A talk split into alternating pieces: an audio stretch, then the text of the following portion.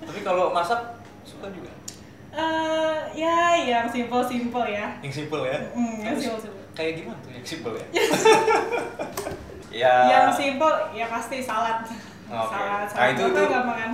itu salad gampang. Mm. Selain gampang dibuat juga eh, maksudnya sumber-sumber untuk membuat salad juga nggak susah kan?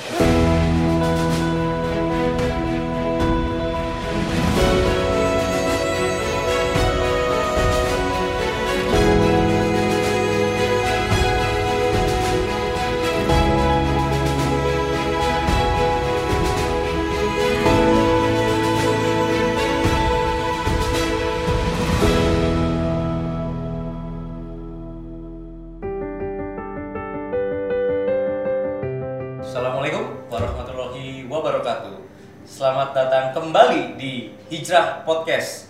My Hijrah, My Story, My Adventure. Ya, teman-teman, siang ini kita kedatangan tamu istimewa ya. Tapi sebelumnya perkenalkan saya Gali yang akan memandu eh, podcast pada kali ini. Nah, eh, tamu kita ini adalah seorang dokter. Eh, beliau eh, bekerja di salah satu instansi yaitu di Rumah Sakit Brawijaya. Namun kita akan tanya lebih jauh eh, terkait dokter sendiri dan juga apa sih eh, cara menjaga kesehatan ya di saat pandemi seperti sekarang. Nah, tema kali ini kita akan kupas tuntas dengan dokter. Kita sapa dulu dokternya ya. Selamat siang, Dokter Sela. Selamat siang.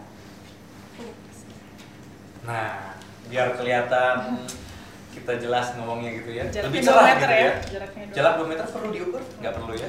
Nah, dok, kita eh, langsung deh. Gimana ya dok? Eh, saat ini kan kondisi COVID ya, Hmm. pandemi seperti ini.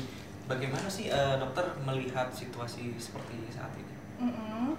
Eh, jadi pandemi belum berakhir ya. Hmm.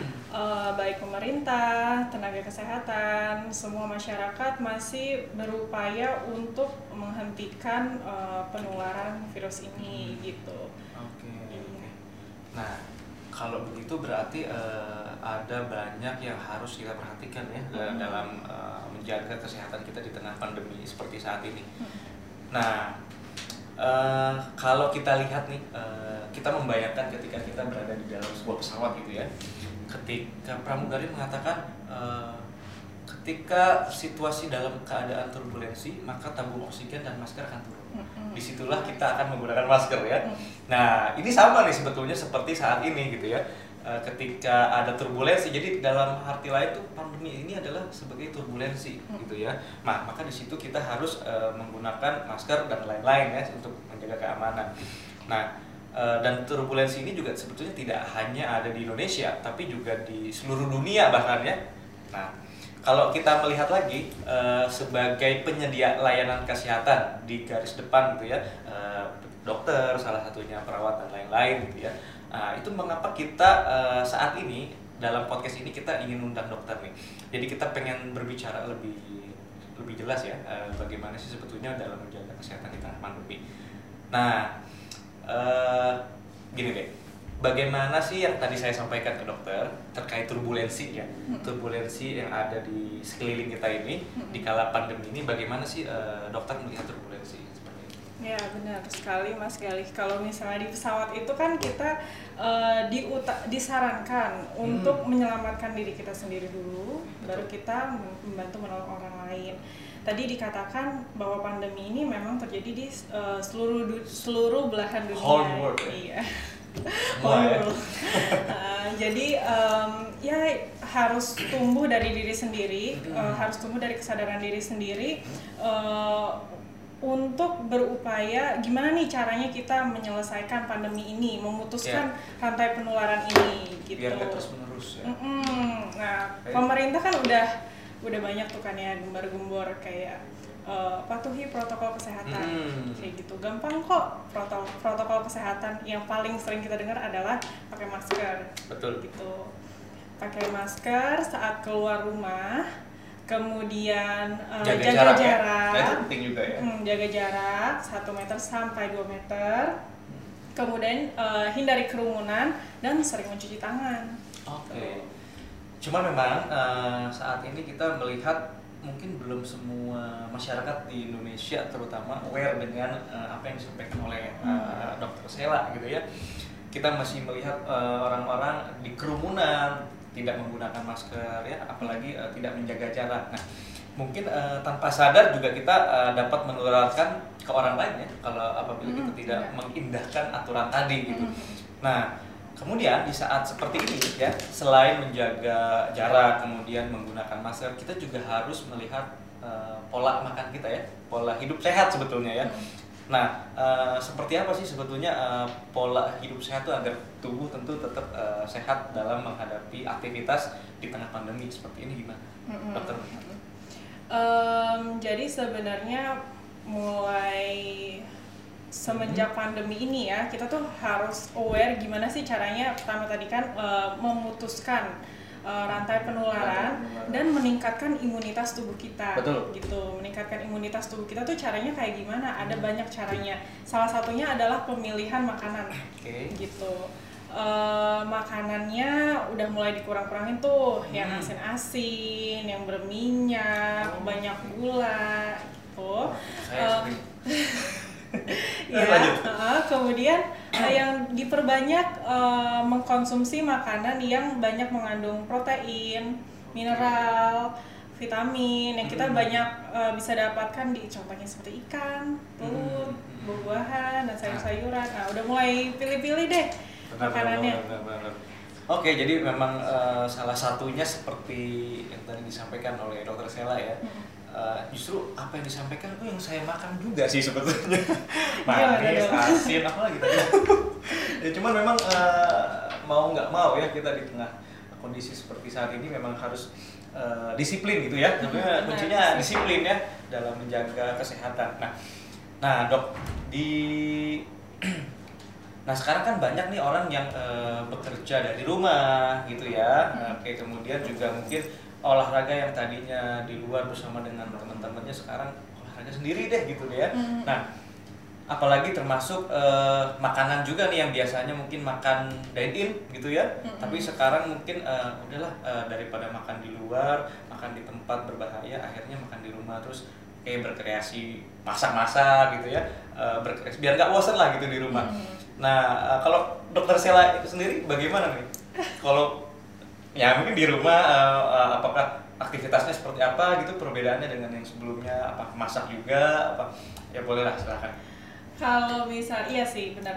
Eh, semenjak WFH ini kan eh, waktu luang tuh otomatis lebih banyak dong ya kan. Yang Hmm. tadinya kita pakai untuk eh, perjalanan ke kantor, Ya. jadi waktunya lebih banyak. Jadi misalnya kayak seorang istri udah bisa atau seorang ibu yang tadinya bekerja dia udah punya waktu banyak nih untuk explore kemampuan masak dia di dapur Hmm. gitu.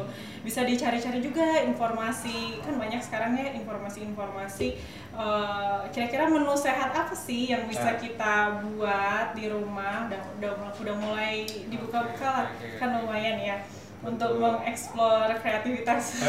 Tapi kalau masak suka juga. Eh, ya yang simple-simple ya. Yang simple ya. Mm, yang Terus simple-simple. Kayak gimana tuh yang simple ya? Soalnya kita gimana yang simple?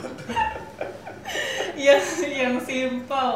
Hmm, Ya. yang simple ya pasti salad. Oke. Salad, Nah, salad itu- gampang itu- gampangan. itu salad gampang Mm. selain gampang dibuat juga eh, maksudnya sumber-sumber untuk membuat salad juga nggak susah kan hanya Terus sekarang salad. belanja juga lebih gampang loh. Oh, gitu ya? Iya. Sekarang Gimana? banyak Beli- platform-platform belanja, gitu?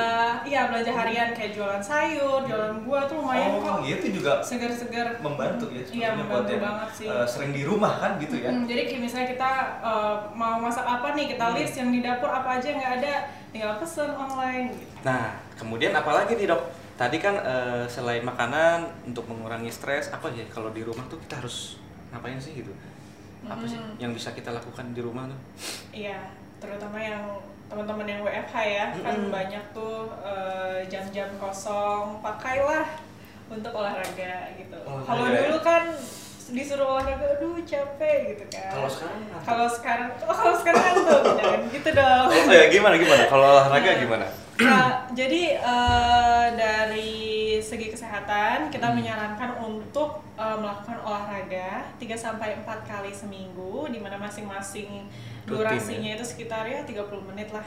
30 menit catat ya 30 menit cukup Iya. Oke.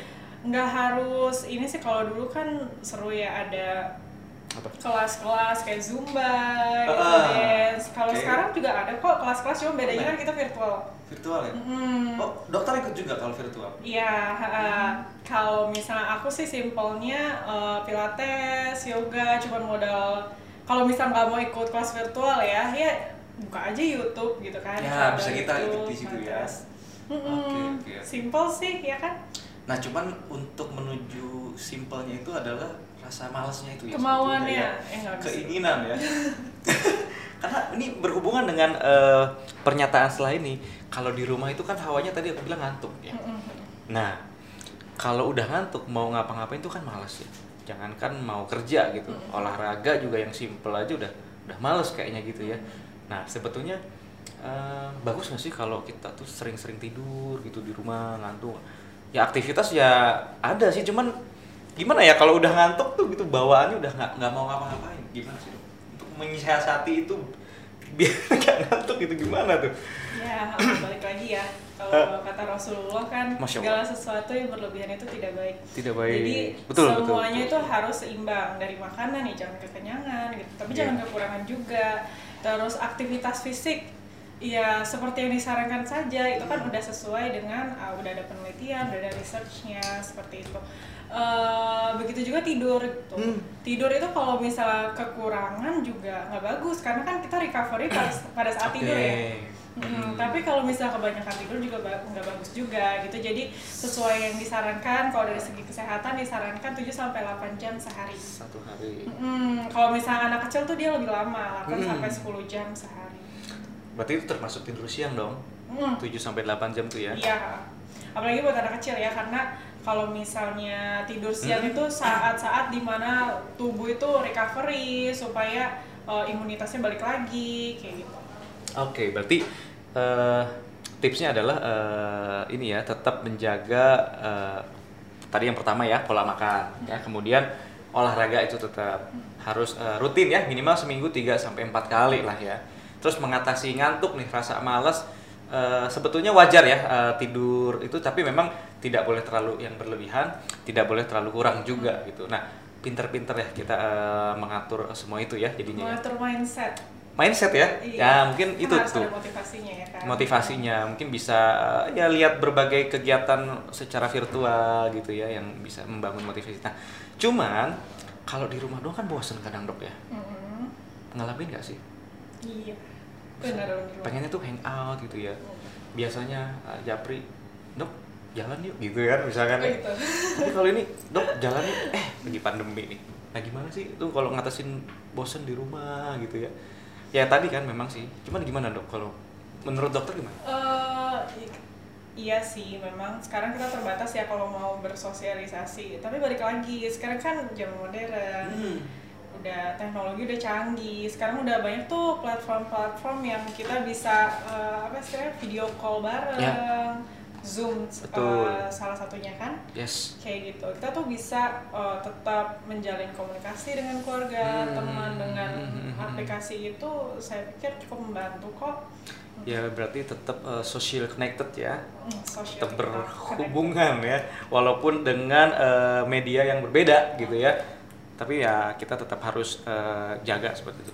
Nah, lalu untuk mengurangi stres nih, ya kalau misalkan uh, kita di rumah bosen kan pasti muncul stres dong, ya kan? Even walaupun tadi kita uh, sudah uh, sampaikan bahwa bisa lihat uh, YouTube lah atau apa dan lain-lain ya gitu seperti itu. Cuman yang namanya uh, bosan di rumah gitu ya uh, dan stres juga gitu kan. Mungkin kerjaan tetap ada tapi posisi kita kita nggak bisa berkomunikasi dengan orang secara langsung gitu ya. Mungkin uh, lingkungan sekitar rumah lagi rumah lagi gitu kan. Kamar lagi kamar lagi tamu ruang tamu lagi ruang tamu lagi. Nah gimana ngatasin stres kayak gitu Uh, mungkin kita bisa ngelis jadwal-jadwal yang akan kita lakukan selama seminggu ke depan. Contohnya uh, Bikin seperti agenda- uh, agenda ya? bikin agenda mengikuti kelas uh, seperti bisa olahraga tadi balik lagi Hmm. atau kelas masak ya kan atau uh, list nih buku-buku apa sih kira-kira yang Hmm. recommended untuk dibaca gitu Uh, terus apalagi ya uh, bisa juga uh, menjalankan hobi yang sebelumnya Hobi. mungkin kita nggak ada waktu buat itu kayak misalnya contoh bermain musik kayak Nah, gitu ya kan. Terus uh, ya balik lagi kita harus ngatur mindset sih mas Iya, iya. uh, karena kita- kalau stres itu eh, daya tahan tubuh tuh biasanya berkurang. Iya. Betul ya? Iya, Heeh. kadang tuh sem- kadang tuh penyakit itu tumbuh Hmm. dari uh, Pikiran. pikiran-pikiran yang neg- negatif ya. Jadi kita harus udah mulai tuh mensyukuri apa yang kita punya, udah Hmm. mulai belajar gimana cara menumbuhkan uh, positive thinking kayak gitu. Dan satu lagi jangan lupa berdoa. Ya, subhanallah ya. Memang kalau berbicara dengan dokter Sheila ini nggak ada habisnya gitu, seru.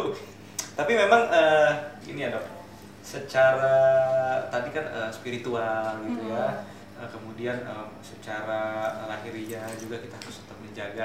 Sholat juga ibadah jangan ditinggal gitu ya, karena dari situ kan kita akan pikiran lebih tenang, kemudian juga nanti eh, berpengaruh kepada daya tahan tubuh gitu ya. Nah, jadi gini, eh, cara kita nih eh, ingin memproteksi sebetulnya ya. Kalau tadi kita udah eh, lihat bagaimana sih eh, cara kita menjaga pola makan dan lain-lain lah ya. Nah, cara kita memproteksi diri kita dan keluarga di tengah kondisi pandemi ini seperti apa? Ba- bagusnya gitu ya. Atau idealnya deh seperti apa deh? Cara memproteksi keluarga ya. uh, balik lagi sih kita harus Hmm. Diri sendiri uh, ya. saling meng- saling mengingatkan juga kan Oke. apa yang kita ketahui misalnya ada info oh sebaiknya kita kayak gini ya pakai masker ya kalau keluar rumah Hmm. ya seperti itu terus kalau misalnya memang kita uh, diharuskan untuk bekerja di luar rumah uh, saat kita kembali Iya, kita harus bersih-bersih dulu. Jangan Oke. pas pulang ke rumah Langsung kita uh, langsung pelukan sama uh, anak kayak gitu kan kasihan. Jadi kalau misalnya memang kita uh, habis pergi dari luar, pulang ke rumah, jangan sentuh anggota keluarga dulu, Hmm. bersih-bersih badan dulu, bersih-bersih pakaian atau peralatan yang kita pakai saat bekerja. Kayak misalnya HP yang Hmm. paling sering kan kita bersihin Oke, dulu betul pakai ya. desinfektan atau tas kayak gitu. Uh, sekarang kan udah banyak kayak desinfektan spray Hmm, hmm, hmm. supaya Iya. lebih aman aja sih keluarganya. Kadang itu yang eh, hal-hal kecil seperti itu yang kadang eh, kita lupa gitu ya. Hmm. Sampai rumah eh, langsung eh, peluk anaknya Iya, gitu atau ya. salim gitu atau kan. salim gitu kan. Tapi kalau sekarang beda gitu. Ketika masuk rumah, eh sebentar dulu jarak dulu. gitu. Masuk kamar mandi, bersih-bersih gitu ya. Baru setelah itu, oke lah baru boleh seperti biasa. Jadi memang eh, penting dari hal-hal kecil gitu ya. Hmm. Nah, tadi kalau eh, saya lihat eh, hobi juga ya salah satu eh, obat untuk mengurangi stres itu juga ya. Pengen dong sedikit dikit aja deh. Hobi dokter apa sih gitu? Selain eh, hobi menjaga kesehatan pasien. Em, macam-macam sih ya mas. Kalau dulu sih masih seneng tuh main musik, main piano. oh, dulu ya. Kalau saya Kalau sekarang udah mulai ya, udah mulai dikurangi maksudnya. udah mulai kurang ya. Kenapa Iya. karena sibuk atau Iya, eh, karena kerjaan juga kan. Hmm. Eh, terus abis itu kalau yang gampang tuh aku seneng baca, baca buku yang ringan-ringan aja, kayak gitu. buku yang ringan ya? Bukan buku eh. dokteran. Oh, bukan buku dokteran Iya, ya. baca yang ringan-ringan aja sih. Mm-mm. Itu aja sih paling simpel-simpel aja. Siap. Nah, oke berarti eh, itu semua berpengaruh ya. Artinya eh, hobi, kemudian yang dan lain-lain itu eh, harus dari diri sendiri, disiplin lah sebetulnya ya, memproteksi diri dan juga keluarga. Nah, Dokter Sela ngomong-ngomong tentang proteksi ini ya, di muamalah sendiri kita juga sudah punya produk sebetulnya untuk iya? Apa tuh? untuk memproteksi. Ya, namanya Salam Hijah Proteksi gitu ya. Nah, ini adalah salah satu produk untuk eh, para penonton nih dan para pendengar sebetulnya ya. Karena produk ini hadir dengan sejumlah keunggulan ya. Di antaranya kontribusi terjangkau dengan manfaat asuransi yang lengkap. Kemudian di sini juga eh, termasuk perlindungan atas risiko yang disebabkan oleh COVID-19. Nah, ini alhamdulillah nih. Kemudian selain itu juga ada manfaat bonus. Selain bonus yang tadi adalah loyalitas sebesar 25% ya setiap tiga tahun sekali serta proses pengajuan yang cepat dan mudah tanpa pemeriksaan kesehatan. Nah, subhanallah ya Bang Muhammad ya punya produk yang eh, mengikuti kondisi saat ini gitu ya. Jadi eh, sangat bagus lah gitu ya. Mau tahu nggak daftarnya di mana?